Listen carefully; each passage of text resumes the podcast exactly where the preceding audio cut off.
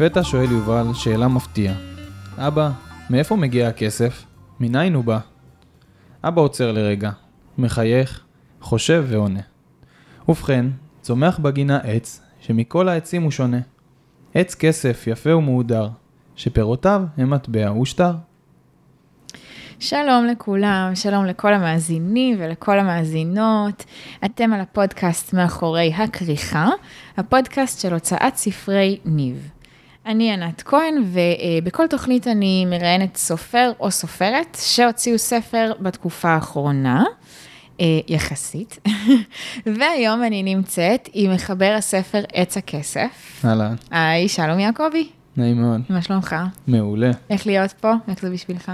האמת מרגש, המשרדים החדשים והכל אה, נכון. יפה מאוד. זהו, זה ככה משרדים אה, שעברנו אליהם לא מזמן, לפני ממש כמה שבועות, והם אחלה. נראים טוב, נכון? מאוד, מרגש להיות פה שוב. כן? מתי היית פה פעם אחרונה? לא פה, כאילו במשרדים במשרדים הקודמים, אה, האמת, קצת אחרי ההוצאה, וזהו, לא יצא לי הרבה לבקר עוד. שההוצאה הייתה לפני חצי שנה, נכון? משהו הספר כזה, יצא כן. לפני חצי שנה, אוקיי.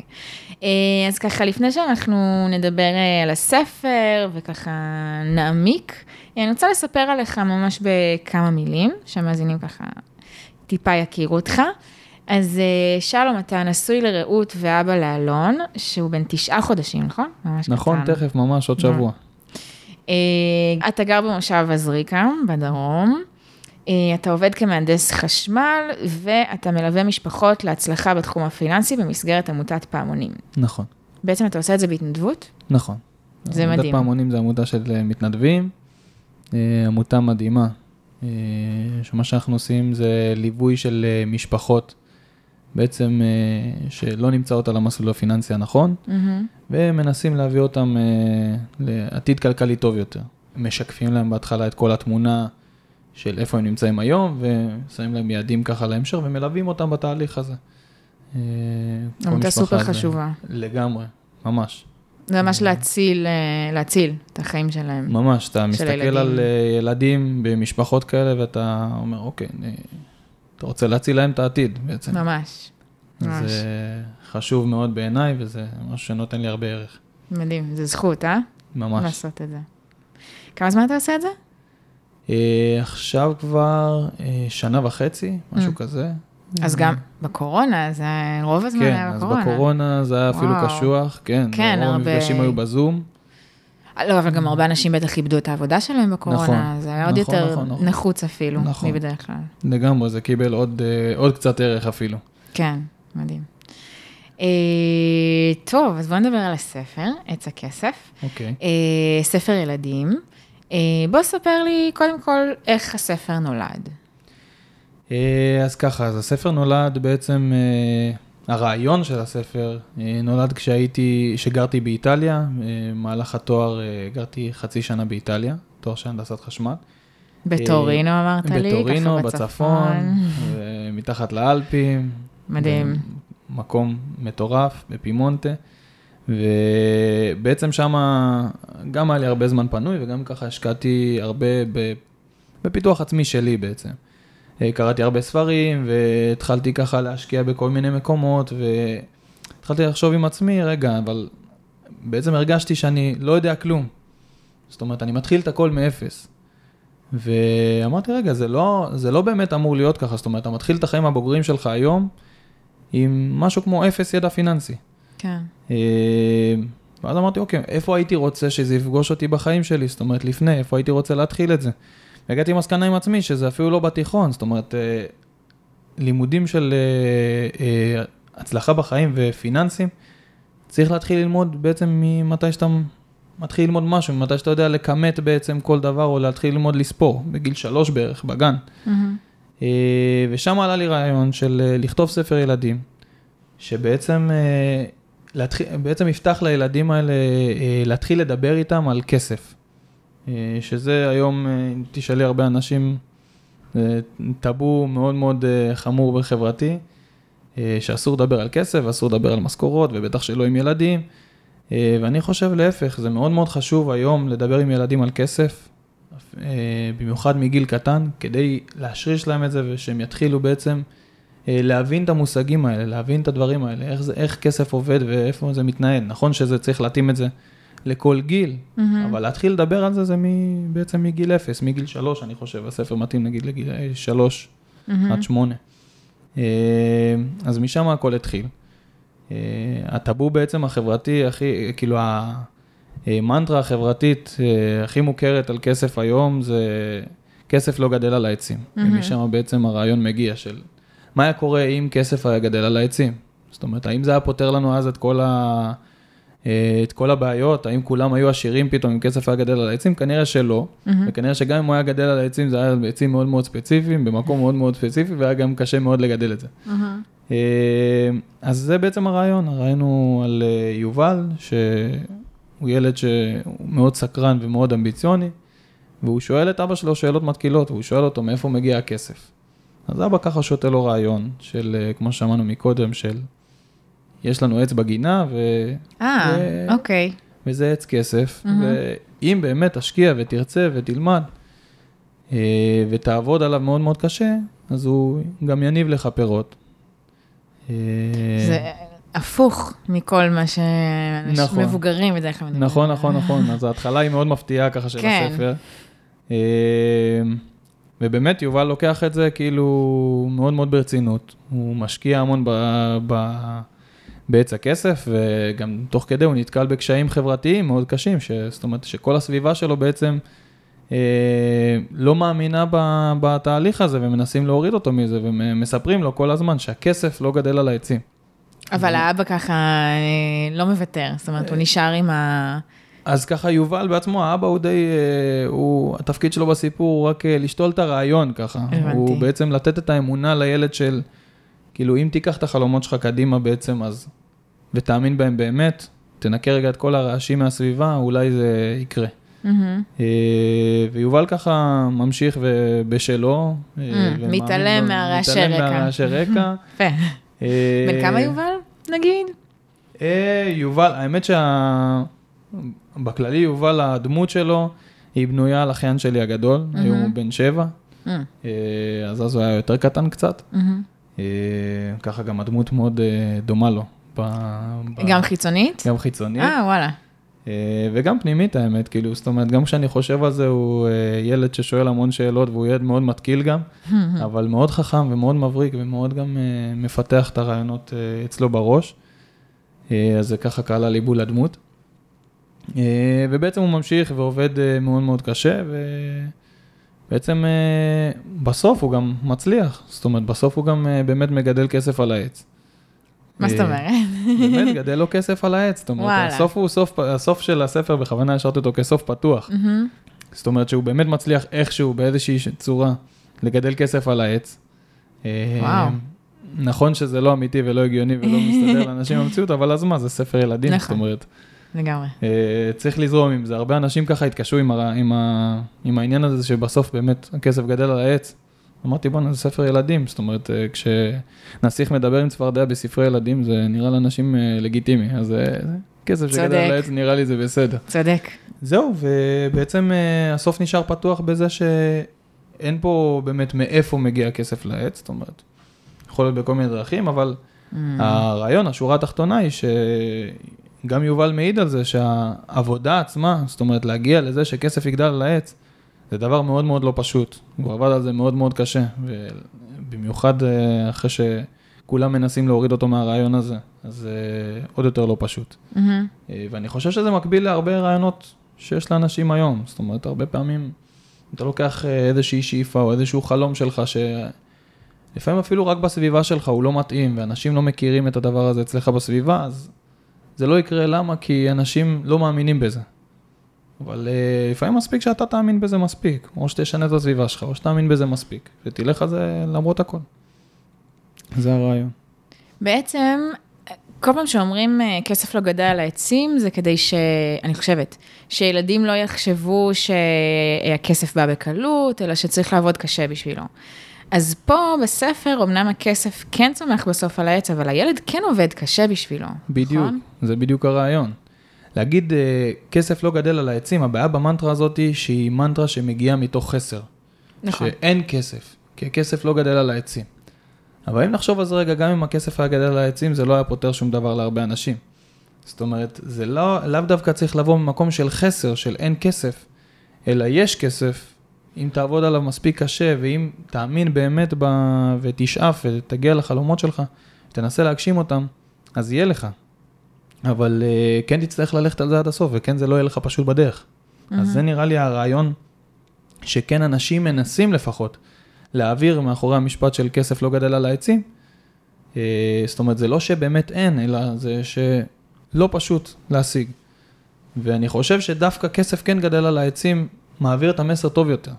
זאת אומרת, כסף גדל כן על העצים, אבל לא על העצים של כולם. זאת אומרת, בוא, בוא תמצא okay. את העץ הנכון שלך, ובוא תאמין באמת שבעץ שלך יהיה כסף, ותלך על זה עד הסוף ותעבוד בשביל זה מאוד מאוד קשה, אז אולי בשבילך זה יקרה. אבל אוקיי, ואז אני יכולה לשאול, אז כסף כן בא בקלות? אה, ממש לא, אני לא חושב שכסף אה, בא בקלות. כאילו, זה גם לא, זה גם לא קורה בספר, זאת אומרת, mm. גם אה, מי שחושב שכסף גדל על העצים, אוקיי, זה פותר איזשהו משהו, אז התשובה היא לא, כסף אף פעם לא גדל על העצים, יש כל מיני...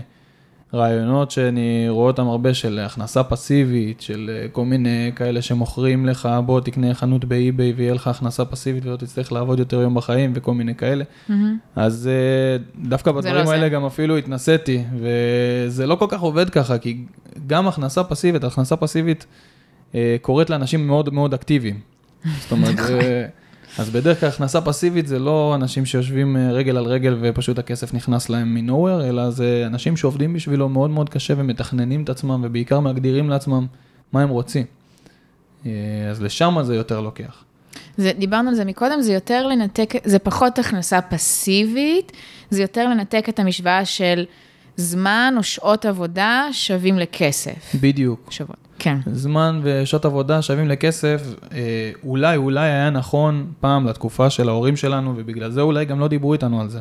בגלל זה גם אה, חסכו מאיתנו כביכול אה, את כל הוואג'רס הזה של להתעסק בכסף ולא צריך, והכל יהיה בסדר, זאת אומרת, תמצא לך עבודה קבועה. ו... ותלך לעבוד כל החיים והכל יהיה בסדר, ויהיה לך פנסיה. תחסוך ו... שקל לשקל. בדיוק, ותחסוך כאילו. שקל לשקל, תקנה את הבית שלך, כן. ותשלם משכנתה עד גיל 70, ו... בסוף הכל יסתדר. Mm-hmm. אז זה היה נכון באמת, זו משוואה שהייתה נכונה להורים שלנו בתקופה של פעם, כשהיה mm-hmm. אפשר לקנות uh, בית, כשהתחלת לעבוד בגיל 20 וכשלא היית צריך uh, שלוש תארים בשביל להתחיל לעבוד במקום סטנדרטי. Uh, היום המשוואה הזאת היא כבר לא תקפה. Uh, וגם אנשים uh, כמוני וכמוך, אם אנחנו נלך uh, לעבודה, אפילו עבודה טובה, אני עובד בתור מהנדס, אז אפילו אם נלך לעבודה טובה, uh, זה לא יקרה, זאת אומרת, אנחנו נצא לפנסיה ולא יהיה לנו טוב יותר ממה שהיום. Mm-hmm. זאת אומרת, אנשים אומרים, אוקיי, בפנסיה יהיה לי, כי אני עובד כל החיים, אז, ב... אז התשובה היא לא, כאילו, אנשים אה, לא, אולי לא מודעים לזה, אבל כשהם יצאו לפנסיה לא יהיה להם יותר ממה שיש להם היום, בטוח. Mm-hmm. ומי שלא אקטיבי בחשיבה שלו ובעשייה שלו היום, במישור הפיננסי, אה, יהיה לו מאוד מאוד קשה. כאילו, בעיקר בעתיד, אבל גם היום אני חושב. אה, ובגלל זה אני חושב שאת המשוואה הזאת צריך לשנות בגישה שלנו לילדים שלנו, זאת אומרת, אותם צריך לחנך למה שנכון היום. אה, והיום נכון לאנשים להבין מה קורה במישור הפיננסי בחיים שלהם, ואיך מנהלים את זה נכון. אה, וזה מתחיל בגיל קטן, זאת אומרת, זה, לדעתי זה מסוגלות, כאילו זה יכולות שהן מאוד מאוד סטנדרטיות בחיים, כמו שאתה מלמד את הילד שלך איך לחצות כביש ואיך... אה, לא יודע מה. לצחצח שיניים. איך לצחצח שיניים, איך לחצות כביש, איך אה, להצליח בלימודים, בוא תלמד אותו גם אה, איך לנהל אפילו דמי כיס, mm-hmm. כאילו תתחיל מזה.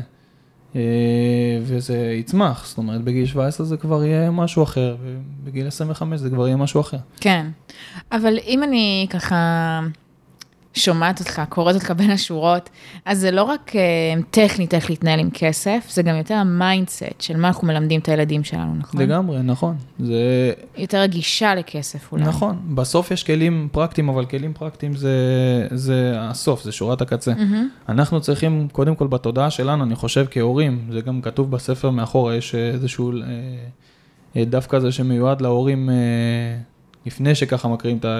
זה לשנות את ה... mindset שלנו בקשר לכסף. זאת אומרת, את המנטרות... בסוף ספר להורים.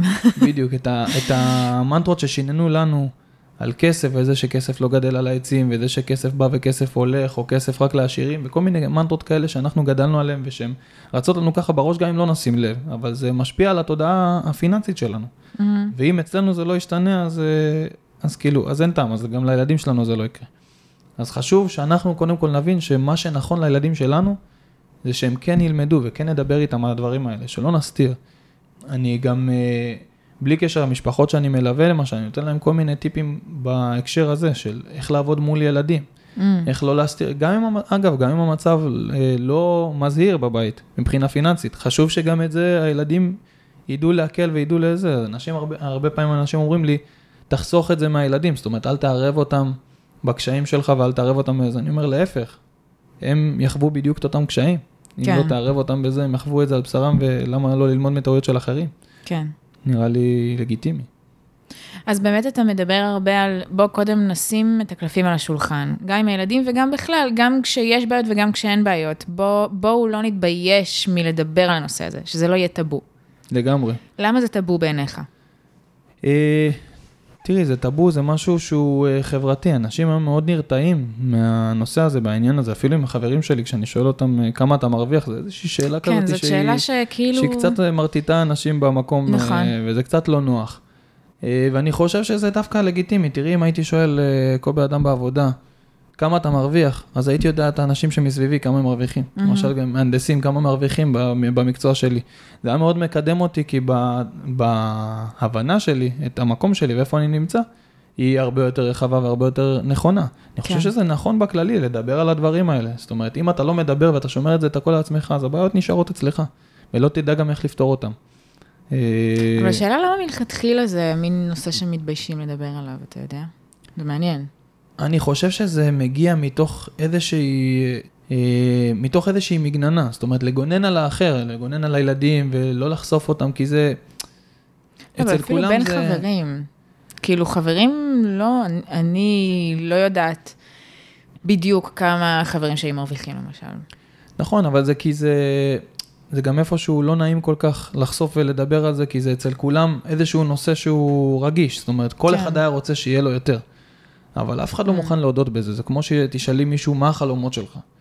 לא כולם מדברים, קודם כל לא כולם מודעים בכלל למה החלומות שלהם, לא כולם חושבים על זה בעצמם. נכון. אבל, אה, ובטח שלא רושמים את זה איפשהו או משהו כזה, אבל אה, אם את מדברת עם בן אדם ואת אומרת לו מה החלומות שלך, את כאילו שמה אותו באיזשהו מצב לא נוח, כי הוא צריך באמת לחשוב עם עצמו מה החלומות שלו. אותו דבר תשאלי אותו מה- כמה אתה מרוויח או כמה היית רוצה להרוויח, תמיד התשובה היא כאילו איפשהו, לא במקום שבו אני נמצא, אלא איפשהו במקום אחר. אה, וזה גורם לאנשים אי נוחות מסוימת. עכשיו אני אומר, את האי נוחות הזאת צריך לקחת אותה ולאבד אותה, זאת אומרת לעבוד איתה. אה, נכון, זה לא נוח לי במקום שבו אני נמצא, אבל אני שואף קדימה, ולשם אני מכוון. ואם אנשים אחרים ידעו לכוון אותי ולעזור לי, יש אנשים שנמצאים במקום שבו אני נמצא. אולי הם יכוונו אותי וירצו לעזור לי. כן. אולי אני אוכל לעזור לאחרים. אז אה, כמה. שהשיח יהיה יותר פתוח והתודעה תהיה יותר רחבה, אני חושב שזה יעזור לכולם. אני, תוך כדי שאנחנו מדברים, אני חושבת, תגיד לי אם אתה מסכים איתי, שאם אני למשל אה, אגיד שאני מרוויחה הרבה, אז יחשבו שאני חומרית ומה אני בכלל מתעסקת בזה. ואם אני אגיד שאני מרוויחה מעט, אז לא יעריכו אותי. כאילו הערכה שלי, הערך שלי בפני אנשים אחרים ירד, אולי גם בפני עצמי. כאילו, ככה או ככה אי אפשר כאילו לתת תשובה טובה בדבר הזה. תראי, אבל הרבה ומעט, עוד פעם, זה עניין אה, שהוא אינדיבידואלי ויחסי. נכון. זאת אומרת, זה בהשקפת עולמך, נכון. הרבה או מעט. והשקפה של אחד- הסביבה שלי. אה, כן, אבל אה, לא תדעי לעולם מה השקפת הסביבה שלך אם לא תדברי על זה. נכון. אבל עוד פעם, זה, זה גם מה שגורם את האי נוחות הזאת. אני לא יודע כן. איך להתייחס לזה, אני לא יודע איך להתנהג עם זה, ואנשים גם לא יודעים איך להכיל את זה. זאת אומרת, נכון. אם אתה הולך ואומר, אני מרוויח ככה וככה, אז כמו שאת אומרת, לפעמים זה נשמע קצת אה, רברבני, נכון. אבל אה, למה? נכון. זאת אומרת, למה שזה יהיה, למה, שזה, למה זה צריך להיות ככה? כן. אז אתה מנסה לשנות את זה בעצם בספר. כן, אז בתפיסתי אני, מש... אני מנסה לשנות לפחות את הגישה, קודם כל שלי עם הילדים, עם הבן שלי ו... ועם הילדים שעוד יהיו לי, ובכללי את הגישה הרווחת הזאת של, אה, של בוא נדבר על כסף, בוא, בוא כן נעשה את זה, בוא לפחות עם הילדים שלנו, שלא אה, נשלול את זה מהם, בוא נחשוף אותם לעולם האמיתי מהמם. בעצם. כסף מעורב היום ברוב מה שאנחנו עושים, ברוב השיקולים שאנחנו מקבלים, ברוב ההחלטות שאנחנו מקבלים. זאת אומרת, זה נושא, גם אם אנשים אומרים, תשמע, כסף זה לא חשוב, העיקר שיש אהבה, העיקר שיש איזה, זה נכון, אבל כסף הוא כן דבר חשוב, זאת אומרת, כסף מעורב בהרבה הרבה זה הרבה... גם לא סותר, כאילו. כן, זה גם, לא, זה גם לא סותר, זה לא שיש יותר כסף או יותר אהבה והם, והם אה, מתחלקים אחד עם השני, זאת אומרת, נכון. אתה יכול לתת גם כסף וגם אהבה, אבל מה נכון יותר לילדים שלך? שיהיה לך הרבה כסף או מעט כסף, שיהיה לך הרבה ביטחון או מעט ביטחון. מהמם. אז אה, אני מניח שהתשובה היא שיהיה לך הרבה, ושיהיה לך הרבה מה לתת בעיקר, כי בן אדם יכול לתת מתוך מה שיש, הוא לא יכול לתת כן. מתוך מה שאין. אה, אז בואו בוא נחשוף את הילדים שלנו לפחות לדבר הזה, שיהיה להם את הכלים להתמודד. מהמם. ואתה מתכנן לדבר, איך קוראים לבן שלך? אלון, אלון. ואתה מתכנן לדבר איתו כבר מגיל, ממש גיל שלוש כזה על אה, כסף? קודם כל אלון בן תשעה חודשים, אני כבר נכון. לא יודע כמה פעמים אה, הקראתי לו את הספר הזה. אה, באמת? אה, בוודאי, אני מקריא. לו ספר כמעט כל ערב. וואו. אז כן, בוודאי, כאילו, זאת אומרת, אני כן, אני ורעות מתכננים על, על איך לעשות את זה נכון עם אלון, זה, עוד פעם, זו התנסות ראשונה של שנינו, כן. בסוף, אבל אה, אני חושב שכמה שיותר תחשוף את הילד ותהיה אמיתי עם הילד ותשקף לו את הדברים שאתה עושה, אה, ובסוף, כאילו, הכי חשוב לי זה להיות דוגמה בשבילו, זאת אומרת שאני אוכל איפשהו אה, להעניק לו משהו אמיתי מתוך מה שיש. מהמם. אז ככה אנחנו מנסים, כאילו, עוד רק התחלנו, אבל כן. אנחנו... ומה. עם אה, אחיין שלך, הוא קרא את הספר? אז אחיין שלי? בוודאי. אה, ליאם, נכון? ליאם, נכון. שכאילו הדמות של יובל בספר מבוססת נכון, עליו. בהתחלה זה גם היה, קראו לדמות גם אה, ליאם, זה השתנה איפשהו ב- באחת הוורסיות של העריכות, כי זה פשוט לא התאים, אבל הדמות היא מאוד בנויה על ליאם, אחיין שלי הגדול. אה, וכן, בוודאי שהוא קרא את הספר, הוא כבר יודע לקרוא, הוא כבר עולה לכיתה ב' תכף. אה, טוב, גדול כבר. אה, כן, הוא כבר גדול והוא כבר קורא לבד.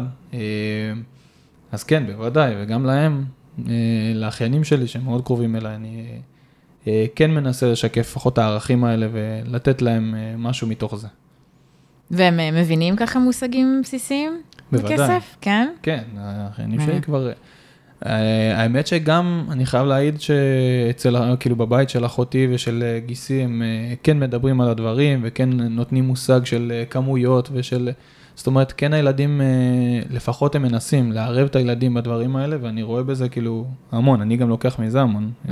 דוגמה בשבילי. אולי זה אומר משהו על הבית שאתם גדלתם בו. דווקא לא. אתה ואחותך, לא? דווקא לא.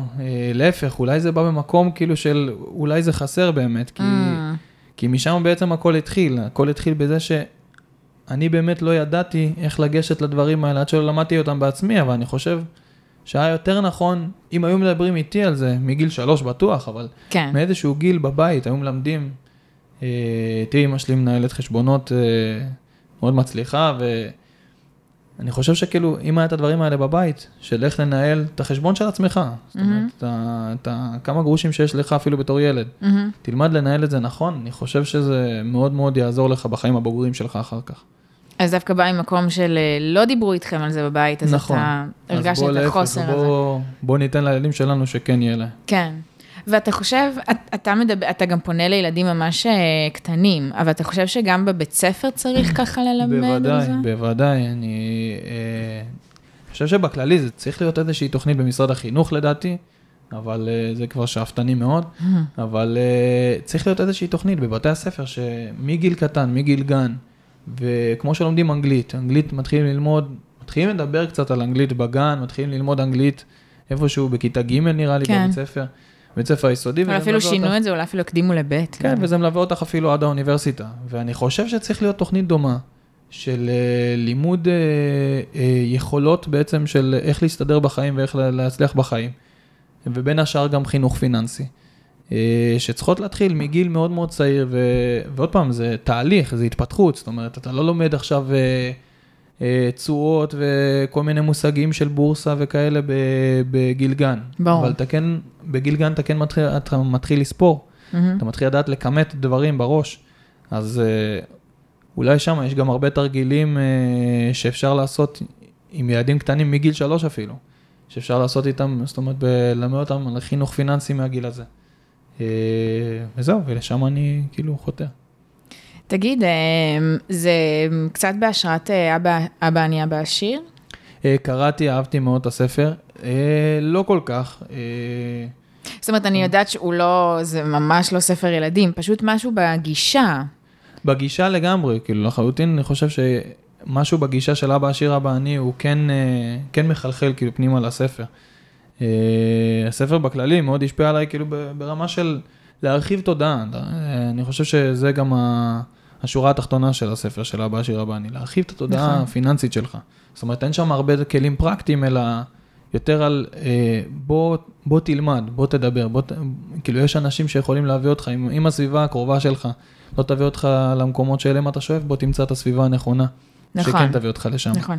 ואגב, כשהוא מדבר על אבא עני ואבא עשיר, הוא לא אומר, לא בהכרח אבא עני, אין לו כסף, אבא עשיר, יש לו כסף. נכון. זה יותר בחשיבה, בתפיסה, ב mindset. לגמרי, אגב, כאילו, גם כשדיברנו על, אה, על בית ההורים שלנו, זאת אומרת, שלי ושל אחותי ואיפה שגדלנו, וגם אחי, אה, זה לא שלא היה חלילה, זאת אומרת, mm-hmm. תמיד ידענו שהמצב הפיננסי בבית הוא טוב, mm-hmm. תמיד ידענו שיש, ובגלל זה גם אף פעם לא דאגנו, זאת אומרת, תמיד אמרו לנו, יש מספיק, כאילו, הכל יהיה בסדר.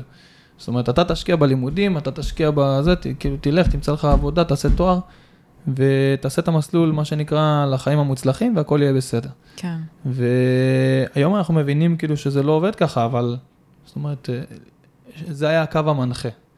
זהו, אז אני חושב כאילו ש... שזה צריך ללכת לשם. כן. אז אה, דיברנו קצת על אה, אחיין שלך אה, שקרא את הספר, יש עוד ככה ילדים ששמעת שקראו את הספר וקיבלת ככה תגובות באופן כללי על הספר. האמת שזה הדבר הכי מדהים בלכתוב, כאילו בכללי היה לי חלום כזה של להוציא ספר, ספר ילדים, והחלטתי שאני ככה מגשים, מגשים את החלום ביום הולדת 28, אמרתי אני ככה כמתנה לעצמי בעצם. איזה כיף. הולך ומגשים את החלום הזה, וזה היה תהליך די ארוך, אה, ובסוף, כאילו אחרי שנה כשכבר הספר יצא, אז פתאום אתה מתחיל לקבל תגובות מכל מיני הורים, מילדים שקראו את הספר, אה, שלחו לי מורות שעשו ממש שיעור mm. בכיתה א', בכיתה ב', על, בעצם על, ובנו מערך שיעור שלם וואו. על בסיס הספר לכיתות א', מדהים. וממש, לגמרי, זה כאילו מפתיע. סוג של הגשמת החזון כן. של הספר, וממש לקחו את זה צעד קדימה. אה, שלחו לי תמונות עם ארנקים שהכינו וכל מיני וואו. פעילויות שעשו. מדהים. אה, ובגן, בגן של אלון אפילו, אה, הגננת זיווה, החליטה שהיא קונה ספרים וקנתה את כל הספרים, וקנתה בעצם סטוק של ספרים וחילקה אותם להורים. וואו. עשתה גם פעילות בגן. איזה כיף, אה? על בסיס הספר לגמרי, וזה כאילו, זה בדיוק הרעיון, זה בדיוק היה הגשמה של הזה, וזה באמת עושה לי הכי הכי טוב בעולם, לקבל את הדברים האלה כל פעם שאני מקבל אה, הודעות או פידבקים מילדים שקראו, אה, אז זה באמת מדהים. מדהים, וואי, מדהים. זהו, וזה בדיוק מגשים את מה שרצית, גם אמרת במשרד החינוך, שאתה חושב שצריכה להיות תוכנית, אז הנה, זה כזה... לגמרי. אז... אולי uh, הולך לשם, זה כן. הלוואי, לשם אני חותר, גם שאם זה יצליח להיכנס לפלטפורמות כאלה, לדעתי זה מדהים. יש פה כאילו, ממש. יש פה הרבה מסרים ש, שאני חושב שכן צריכים לעבור לילדים. שמה הכי חשוב, נגיד, מה המסר המרכזי? אם היית צריך לזקק את זה למסר אחד. אז יש פה בעצם שניים, יש פה okay. שני אוקיי. מסרים שהם הבטם אה, ליין של, ה... של הספר, שהראשון זה קודם כל שחשוב וכדאי לדבר על כסף. אה, עם ילדים ובגיל מאוד מאוד צעיר וכמה שיקדימו זה יותר טוב, אה, כדי בעצם לתת להם את המושגים ואת ה... בעצם את הכלים להצליח במישור הזה בחיים שלהם.